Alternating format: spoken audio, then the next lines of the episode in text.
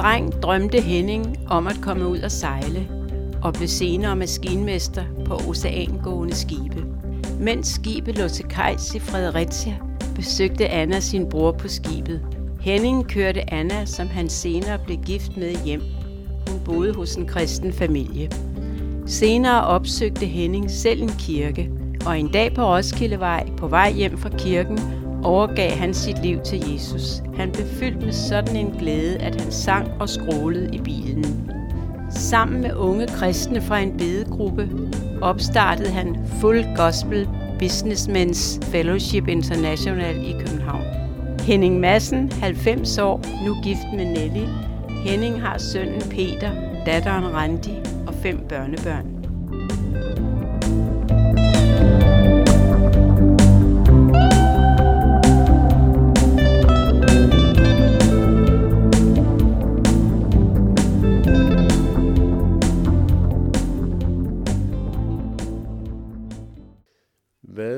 Drømte du om, da du var dreng? Jeg blev omgået folk, der havde sejlet meget, både i ubåde og, og øh, amerikadamper og alt sådan noget, der kom i vores hjem. Og det inspirerede mig meget til at kunne tage en, øh, nogle beslutninger ligesom at komme videre med den vej der. Du var også øh, teknisk interesseret. Hvad var det, du lavede i en ung alder? Ja, jeg, jeg lavede øh, øh, krystalapparater allerede som ganske lille. Jeg, var, øh, altså, jeg gik i skole, eller det var vel anden, anden eller tredje klasse. Så havde jeg en fætter, der var lidt noget ældre, og han uh, viste mig et diagram, hvordan man lavede en, en krystalmodtager. Og så, uh, så gik jeg hjem og lavede sådan en. Og jeg kan tydeligt huske, da jeg så, så fik jeg lyd på den, ikke? Så får jeg ned i plantesalget, og der var flere gæster, der købte planter, og sagde, den, den, den, den siger noget, den siger noget nu. Vil det sige, at han viste et diagram? Kunne du huske det diagram i hovedet? Nej, men det havde jeg jo tegnet op. Jeg vidste, hvad en kondensator var, en spole var, og sådan noget, så, og så en krystal, et, et lille krystal, hvor man sad med en nål og pille ind i den krystal, og så når man kom et rigtigt sted, så, så, så, så, så ensrettede den det, så man kunne høre signalet. Jeg kommer jo fra et hjem med, med musik i. Der var klaver og to øh, violiner, en bras, en, tu, en tuba, en bas, to, øh, basun og klarinet og althorn. Jeg tog klarinetterne. Hvem, hvem spillede på alle de instrumenter? Det gjorde min far Min mor, hun spillede også på det, men det lød sådan blim, blim, blim, blim, når hun tør støv af på det. Øh, du gik jo allerede ud af skolen i 7. klasse. Var det så ikke en udfordring at læse til maskinmester?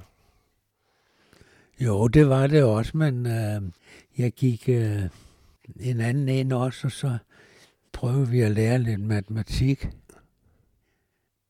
Men det er jo det, at maskinskolen den er så praktisk, at der, der, der lærer man hurtigt. Læreren han sagde, dem der havde realskole, sagde, nu skal de passe på, nu skal I til at bestille noget også, for ellers kommer I bagefter de andre. Også, også stommerhjernerne der. Så på et tidspunkt bliver du indkaldt til marinen. Ja, forløbig så blev jeg kørt op i Arsødallejren. Og den havde min far også været i under Første Verdenskrig.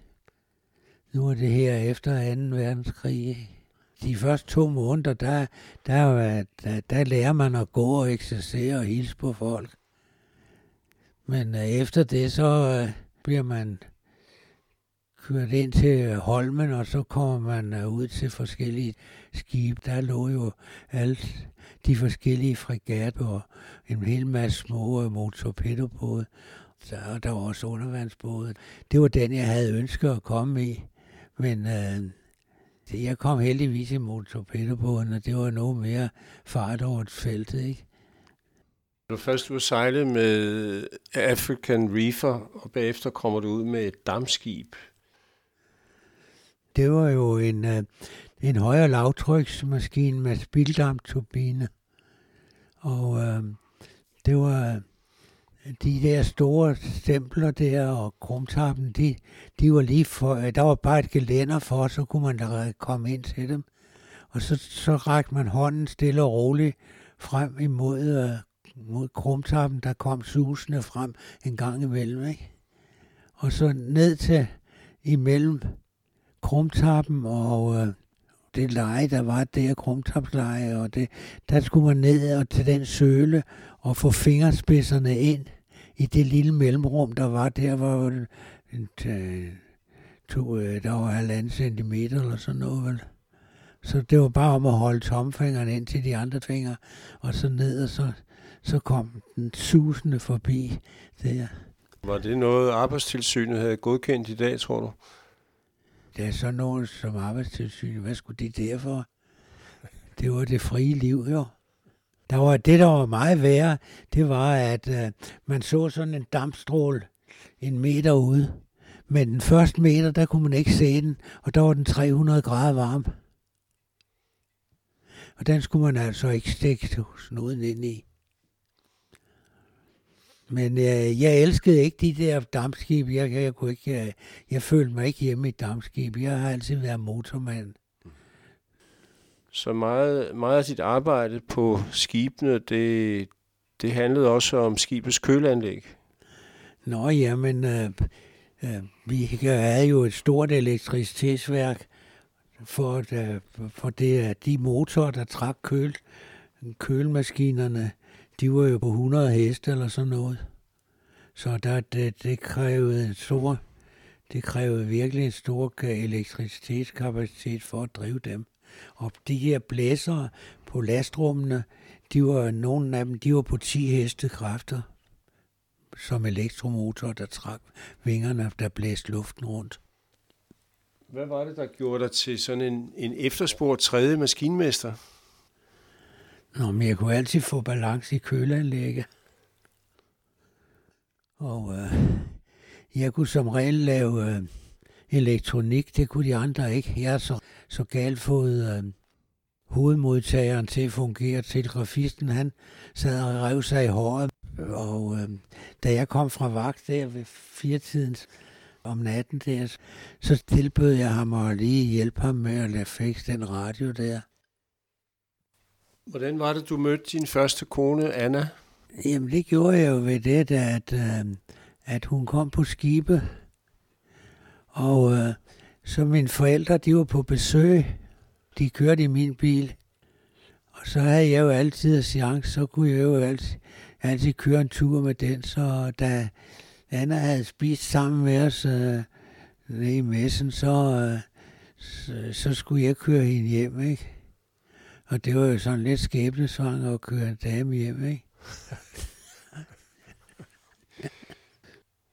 Hun boede hos Damkær, og det var en kristen familie, der mand og kone der, det var der ældre mennesker.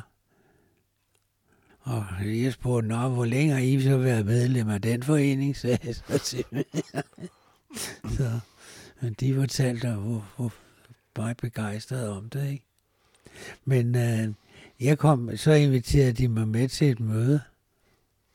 Og det synes jeg var alle tiders. Lå skibet i havn i lang tid? Ja, det lå i Fredericia. Vi fik fyldt det med gasflasker, der skulle sejles til Buenos Aires. Hvordan var det, du blev en kristen så? Og efter jeg skulle hjem på ferie, så opsøgte jeg Bente Schulz. Hun var ved bogsalget inde på... På Trianglen? Ja. Der kørte jeg ind og, og fik, hvor der var sådan nogle menigheder ind. Og så fik jeg adressen på den op i Roskilde. Og der kommer jeg så op. Jeg så, der var noget på et vist tidspunkt om aftenen. Så troppede jeg op. Så var det et bedemøde. Okay.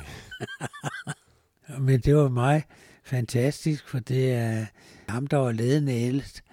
Hans søn var jeg gode venner med i Sengløs, og de havde en gård i Sengløs. Så dem kendte jeg. Og øh, så blev jeg inviteret til kaffe bagefter hos dem. Ikke? Og så gik der noget tid. Ja, der gik meget lang tid. De spurgte altid, var der nogen, der skulle frelse så Det blev aldrig mig.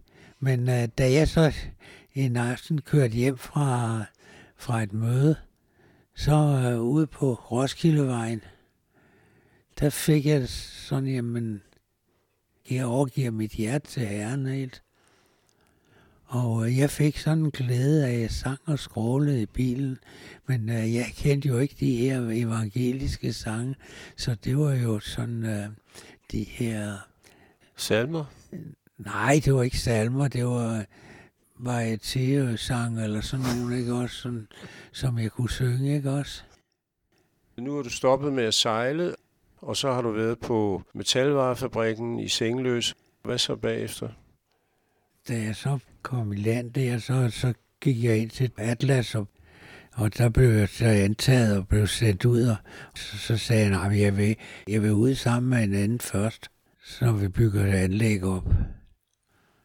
Jeg var et lille stykke tid sammen med en anden kølemontør, hvor vi byggede et anlæg op på chokoladefabrikken Heinrich Jessen. Og så øh, kom overmontøren og sagde, nej, du bliver nødt til at komme over et andet sted, for det, de forlanger, det skal starte nu, det anlæg, vi skal bygge. Og så fik jeg alle rørene og ting og grejer ud. Og øh, det var på Lars Knudsen, der skulle laves et stort køleanlæg. Og så øh, byggede jeg det op. Og så øh, ringede jeg hjem og sagde, nej, nu skal, nu skal jeg have startet det op. Kan I komme og hjælpe mig? Og ham fik jeg faktisk meget, meget gode venner med ham, den overmontør. Så øh, han startede sit eget firma også, og der hjalp jeg ham også med det. Og så øh, kom jeg i gang med mit eget. Ja, det der hed Kølemassen. Ja. Men jeg har arbejdet flere år med, jeg byggede store køleanlæg. Jeg byggede blandt andet øh, det op øh, ved Falconer-centret. Der byggede vi et stort et op med, med en stor køl, kølemaskine og et stort anlæg til øh, dataanlæg. Og det var nogle af de første store datacenter, der blev lavet i Danmark. Johannes Muli, han ringede til dig en dag og spurgte, om ikke du kunne hjælpe med noget. Hvad var det? Nå, jamen, uh, først var det det, at min kone, hun sagde, at øh, skal vi ikke tage op til Aalborg? Der er det amerikanske airlift. Vi tog derop og øh, faldt godt til derop, og de kom i et airlift. Ham og konen, det var, det var sådan nogle fantastiske mennesker. Og øh, Anna sagde, at hun lignede et pyntet fast lavnsris. det er et gammelt menneske, ikke også? Men øh, at der var liv i dem, og glæde på budskabet var der, og vi blev meget betaget af det, sådan set også. Og øhm, så da vi kom hjem, der ringede jeg så til Johan Smule, hvordan vi kunne komme i gang med sådan noget. Så ringede Johan Smule og sagde, at øh, de havde øh, et ægtepar, og vi kunne hente dem i lufthavnen og have dem nogle dage, og så skulle de over til Jylland. Og øh, da de var her, så fortalte de, at vi kunne godt lave et møde herover, når vi kom hjem. Der var et tidsrum, inden han skulle flyve igen. Og øh, så fik vi jo travlt for det skyld, at, øh, at øh, det bedegruppe for unge kristne, der skyndte vi os at, at samle dem sammen. Hvordan skal vi få arrangeret et møde med, med ham der, når nu han kommer tilbage? Hvad var det, han hed? Emmanuel Fernando. En million mennesker var blevet frelst ved hans budskab i Indien. Så øh, han var jo ikke sådan en lille, lille grønskåling som prædikant. Han var en stor mand sådan set, men meget beskeden. De var meget beskedet ægtepar. Og jeg kan så tydeligt huske, så blev det snevejr, og de stod her og kiggede ud af vinduet, og det faldt ned, sagde de, og de var så imponeret af at se snevejr. De har aldrig set et snevejr. Så de ringede til USA og fortalte om snevejret, og det falder, det falder, sagde de. det, var, det var også sjovt, for det, de fandt jo hurtigt Anders krydderihylde, og øh, de kunne jo bruge alle de der krydderier til mad, når de lavede mad, ikke? Så de lavede mad til os, og vi lavede mad til dem, og sådan. Vi havde nogle dage der, og havde meget fornøjelse af dem. Og hvordan gik mødet så? Det første møde, der fik vi samlet 70 mennesker til. Emanuel Fernando talte jo til det møde, så det var jo meget nemt. Så det var begyndelsen på kristne forretningsfolk? Ja, det var, det var det begyndelsen til det. Og så efter det, så, så den lille gruppe, vi samledes en gang om ugen og bad sammen. På det tidspunkt var der en del, der blev døbt inde øh, i, i kirken på Filippevej. Hvor kom de fra? Nå, men det var jo folk, der havde overgivet deres liv ved vores møder. Det var jo meget sjovt, at jeg kan huske, der var otte mennesker en gang, der blev, der blev døbt med, med på dåsbassinet. Når du ser tilbage på dit liv, hvad tænker du så?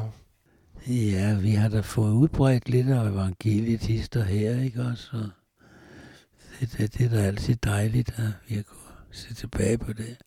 Men øh, det er jo ikke nok, vi har nået, vel? Der er en million mennesker her lige uden for vores dør, som ikke har kendt til Jesus, ikke?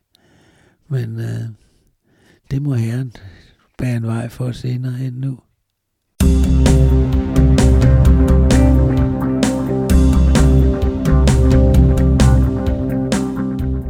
Du kan finde gudstjenester fra Københavns Frikirke på vores hjemmeside www.kbhfrikirke.dk eller på YouTube KBH Frikirke.